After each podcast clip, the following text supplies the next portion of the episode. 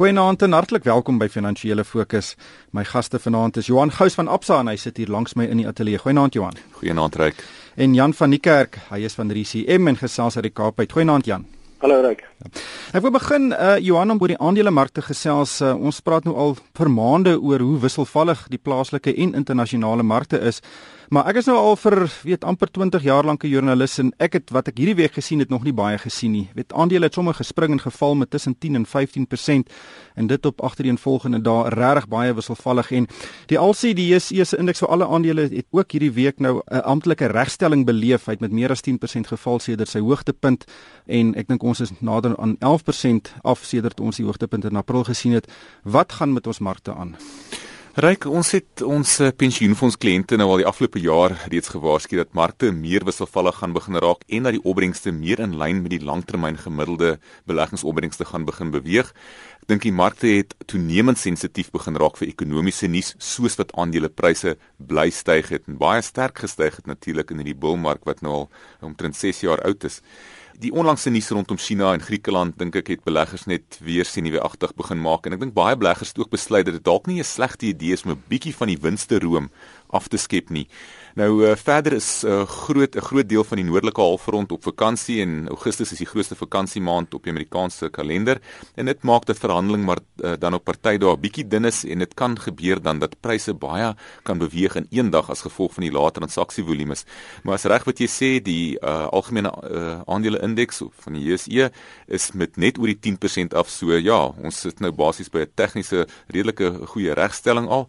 En ons is terug basies waar ons was aan die begin van die jaar hierso by rondom die 50000 vlakke en ek dink die die groot probleem hierso hierdie jaar sover was natuurlik hulpbronne wat hierso rondom die 17% laer is en dit was van maar weer eens die industriële en finansiële indeks ehm um, of die sektore wat die beleggers uh, gered het vir die jaar tot datum.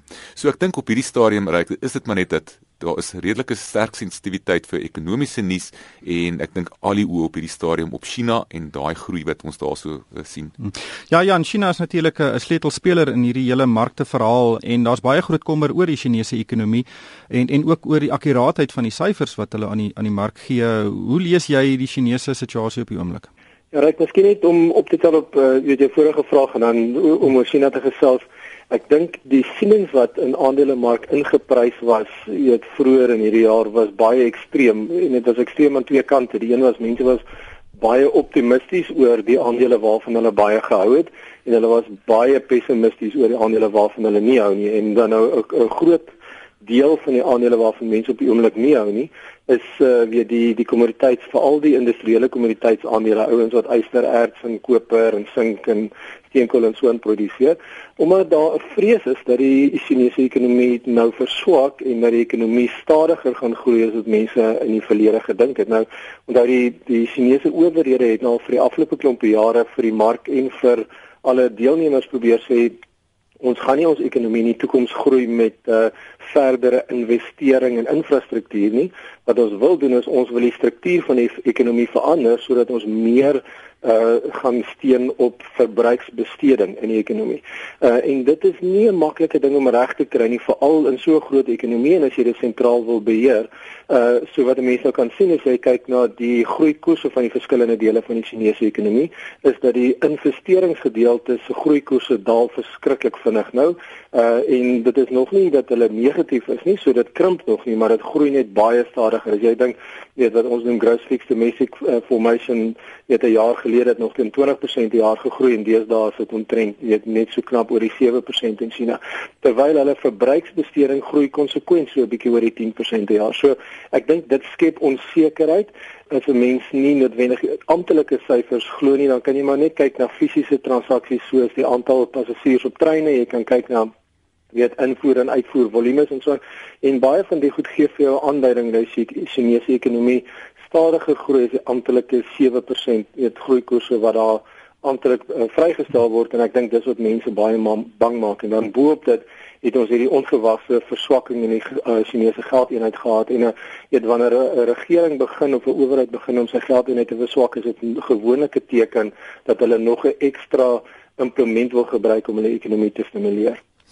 Ryk net miskien aan te heg by daai hele punt rondom China en en die tendense en daarso. Ek bedoel as ons gaan kyk na die mynbou sektor op die oomblik, dit is een van die redes hoekom die mynbou sektor onder druk is, is gevolg van die uh, groei wat verlangsaam met China want ons weet hulle is van die grootste invoerder van hulpbronne, maar ek dink daar's ander ehm um, faktore wat ook hierdie uh, spesifieke sektor onder groot druk plaas op die oomblik. Dit is die laer kommoditeitspryse gedeeltelik natuurlik as gevolg van die sterk dollar. Daar daar is die elektrisiteitsvoorsieningskwessies.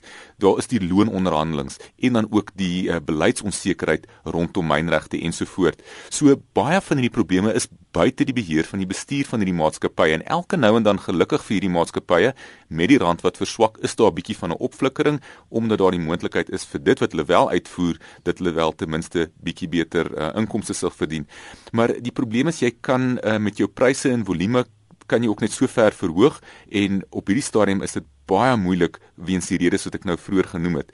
Die uh, nieteenstaande bly hierdie sektor 'n baie groot deel van ons ekonomie en verteenwoordig omtrent 8.3% maar op 'n indirekte basis selfs tot en met 17% van ons bruto binnelandse produk. So ons moet probeer om antwoorde te kry vir hierdie sektor.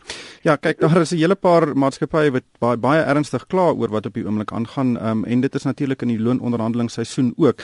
Maar maar Jan, ek wil net vinnig by Johan aansluit uh, met die verswakking van die rand wat ons die afgelope tyd gesien het die rand is hierdie week uh, deur R13 deur die dollar. Um, ek dink dit was laas in 2001 by die R13 en uh, dit het toe skerp geval om daar te kom. Die rand het toe weer vinnig verstewig en het nie eintlik groot bydrae gelewer tot 'n uh, weet die vervaardigingssektor nie. Dink jy die swakker rand wat ons nou sien kan ons dalk hier 'n troefkaart gee om 'n bietjie vinniger te groei um, as wat die geval sou gewees het met 'n sterker rand?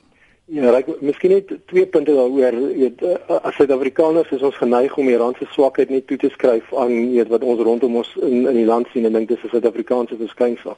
Uh, ek wil tog uitwys dat jy kyk na meeste geldeenhede van onlykende markte in die afgelope 3 en 6 maande, uh is die rand eintlik een van die geldeenhede wat minder verswak het as meeste van die ander.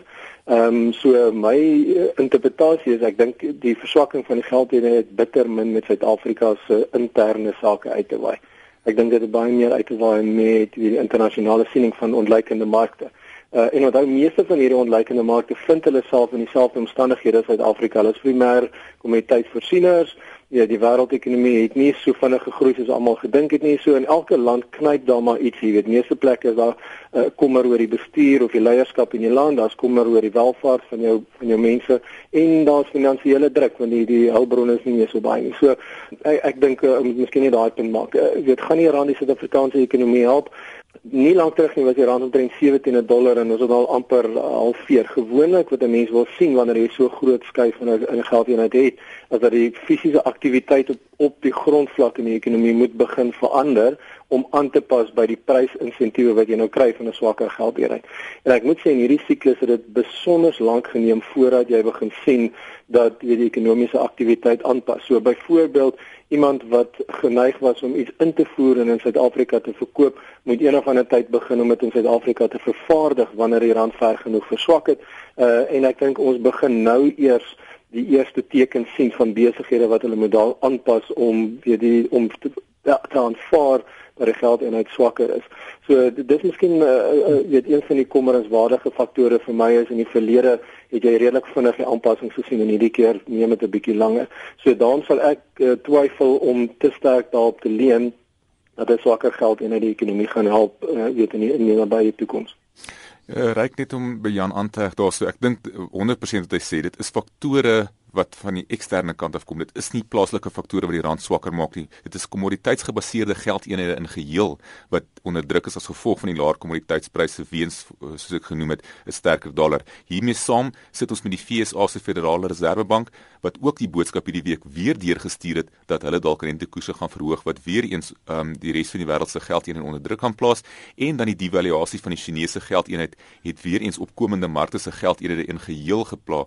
So dit is eintlik meer 'n opkomende markte kommoditeits uh, gebaseerde geldeenheid kwessie wat ons hierna kyk. Maar wat beteken dit? Gaan ons dan kyk dis alles lopende siklus. As hierdie um, ontleikende lande se geldeenhede so onderdruk is, kan ons dan verwag dat die rand oor die uh, kort en medium termyn weer kan verstewig soos wat dit ook in 2001 gedoen het? Ryk, ek dink dis dalk bietjie anders te hierdie keer en ek dink nie ons 'n vinnige oplossing vir die rand om nou te begin versterk nie. Ek dink die beste wat ons voor kan hoop is dat die Chinese hulle geldeenheid se wisselkoers geleidelik afwaarts sal aanpas of bestuur, dat die Federale Reservebank hulle rentekoerse geleidelik sal verhoog en dat die Chinese ekonomie sal stabiliseer met hierdie verskeie maatreëls wat hulle alreeds ingebring het in terme van die devaluasie van hulle geldeenheid, die uh, reservevereistes vir banke wat hulle verminder het en dan ook afwaartse rentekoers aanpassings wat ons die laaste 2 maande of so gesien het. Ryk, is ek dalk kan ek miskien uh, kan ek 'n bietjie van 'n ander hoek vat as Johan. Nou hierdie Amerikaanse regering waarvan ons op die oomblik praat wat nou die toonbeeld is van wat om te doen in die wêreld en almal wil in Amerika belê. Dis net so 2 jaar gelede wat hulle skuldstilstand gehad het waar hulle nie kon besluit hoeveel skuld hulle werklik moet aangaan en hulle kon nie meer skuld uh, in die hande kry en hulle moes hulle regering toemaak vir 2 of 3 weke terwyl hulle beklei het oor die absolute vlakke van skuld relatief tot die grootte van hulle ekonomie. Weet so en dit het groot paniek in die markte veroorsaak en dit dis nie baie lank terug nie, maar mense dit omtrent nou weer vergeet. So hierdie goed kan in 'n redelike kort periode verander. Uh en gewoonlik wanneer geldeenhede met weet 50% in reële terme verswak het soos baie van hierdie onlykende markte, dan neem die mark se eie gang om dit weer aan te pas en dit is gewoonlik maar op tye wat jy nie regtig kan sien wat die geldeenheid gaan verander nie ehm um, wat hierdie goed begin intree. So ek eh, ek sien nie dink dis so 100% siening weer dat die rand net gaan verswak en dat alle onlykende markte net gaan verswak nie. Baie van hierdie feite is reeds in die mark en word reeds gediskonteer. Hmm. Daar ek dink dis 'n baie goeie punt daai. Johan, um, kom ons kyk plaaslik inflasie syfers wat ons gesien het van 5%, uh, dis nog steeds tussen die Reserwebank se teikens van tussen 3 en 6%, maar met wat nou veral met Amerikaanse rentekoerse wat begin styg, inflasie in Suid-Afrika wat aan die styg is, lyk dit asof Suid-Afrika nog 'n rentekoersverhoging vir jaar gaan sien. Ja, ek, ek dink die syfer was redelik in lyn met wat die ekonome oor die algemeen verwag het. So ons is nou op van 4.7% in Junie na die 5% in in Julie. Ons het uh, in hierdie huidige siklus het ons op 'n laagtepunt van 3.9% gaan daal in terme van inflasie en uh van daar het die VP inflasie syfer nou elke maand uh, gestyg uh, met hierdie ehm um, die 5% wat ons nou gesien het. Ehm um, as ons gaan kyk net, ek dink uh die swak oeste, stygende dienskoste en 'n swakker rand wat petrolpryse opwaarts druk is van die hoofkoste drywers op hierdie stadium, ehm um, gegee die gewigte wat vervoer, voedsel en behuising in die inflasie mandjie verteenwoordig. Nou histories net reik is die gemiddelde verbruikersprysindeks inflasiekoers so wat 9.3% vanaf 1968 tot uh, eh, 2015 met die hoogste inflasiesyfer wat ons in Januarie 1986 gesien het op 20.9%. So op hierdie stadium is vandag se 5% uh, meer aan die laer kant van hierdie inflasie uh, spektrum. So die gemiddelde tussen 1968 en vanjaar is 9,3%. Korrek, reg ja. Jan, verstaan jy daai syfer? Ja, onthou uh, dit sluit 'n tyd in wat ons hoë inflasie in die res van die wêreld gehad het, nê, nee? en toe Volker uh, weet rentekoers in Amerika gebruik om inflasie ernstig onder beheer te bring.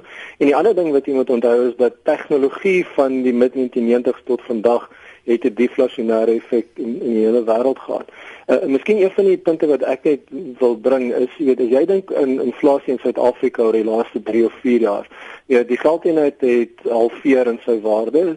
Elektrisiteitspryse het omtrent verdriedubbel. Regerings salarisaanpassings vir die die eerste paar jaar in daai siklus, dit was re, in reële terme redelik hoog en ten spyte van dit het ons inflasiekoers net net so bo die 6% gedraai elke keer. So, weet as jy 'n negatiewe of 'n pessimistiese siening op inflasie wil neem vandag met die aanvaar, weet dat die geldeenheid gaan verder nog baie verswak in die toekoms. Ons gaan weer 'n herhaling kry van elektrisiteitspryse en die regering weet so dis uh salarisaanpassings en weer eens weet as dit nie gebeur nie, uh, kan inflasie laer wees as wat meeste mense weet uh, antisipeer. Wat vir my baie interessant is is dat die geldeenheid se verswakking bitter min deurvloei tot inflasie en, en maar dis 'n dis 'n 'n populêre vrees in elk geval. Ja, Johan wat vir my uitstaan is dat uh weet mense sien dat of die Reserwebank sien die rentekoers as die enigste manier om inflasie in toom te hou. Um en eintlik op die oomblik soos wat dit op die oomblik toegepas word, het dit eintlik baie min van 'n impak want die ander faktore soos looneise, uh, weet die die koste van van elektrisiteit en water het 'n baie groter invloed en daar's geen verbintenis van die regering om daai um stygings ook onder bedwang te hou nie. Korrek, reg. Dit is op hierdie stadium nie die vraag wat die probleem is in en dis nie die vraag wat inflasie opjaag nie. Dit is die koste druk kant wat wat inflasie opjaag en daarom sou mense hoop dat die Reserwebank nie verkeerd sal reageer en begin om rentekoerse vir die verkeerde redes vinniger te begin opstoot nie. Ek dink hulle moet daai balans nog steeds reg kry tussen om hulle om, om die inflasie teiken uh, in gedagte te hou maar aan die ander kant ook die realiteit vir ons plaaslike ekonomie wat tog onder druk is op die oomblik. Hmm. Ja net laastens uh, ons het ook kleinhandelverkope syfers gesien en ek hou van kleinhandelverkope want dit is soos um, Johan nou gesê dit wys jou aan die vraagkant wat is hoe wat gaan in die koppe van verbruikers aan uh, die uh, nasionale syfer is 3,5% wat taamlik weet bietjie bo verwagtinge is maar dan het uh, Shoprite en Troof um, resultate aangekondig en hulle verkope is uh, is tussen uh, 11 en 12% hoër. Dit lyk daarom of dan nog so klein bietjie skop in die verbruiker is. Ja, ek dink uh, dit is regryk. Ek weet onthou Shoprite uh, voorsien vir 'n baie spesifieke deel van die samelewing en ek dink Johan het uh, voorheen toe ons gesels het genoem dat weet so dinge moeiliker raak is daar miskien mense wat uh, weet eerder na Shoprite gaan as Woolies. Uh die ander ding is Troos is se verkope tot 'n groot mate is op krediet. En wat vir my interessant was is dat hulle kredietverkope het redelik vinnig toegeneem wat eintlik uh weet kontra is uh, tot wat ou sou verwag in hierdie deel van die siklus. So of dit is weet mense wat krediet opneem omdat hulle net nie 'n kontant kan koop nie, uh of dit is mense wat uh weet gemaklik is oor die toekoms en eintlik weet nie of dit die tweede gedeelte is nie. So ja, daar is daar is groei en kleinhandel verkope. Ek dink ou moet net uh aanvaar dat die groot formele um kleinhandelaars is besig om markandeel weg te neem by die die onafhanklike kleinhandelaars.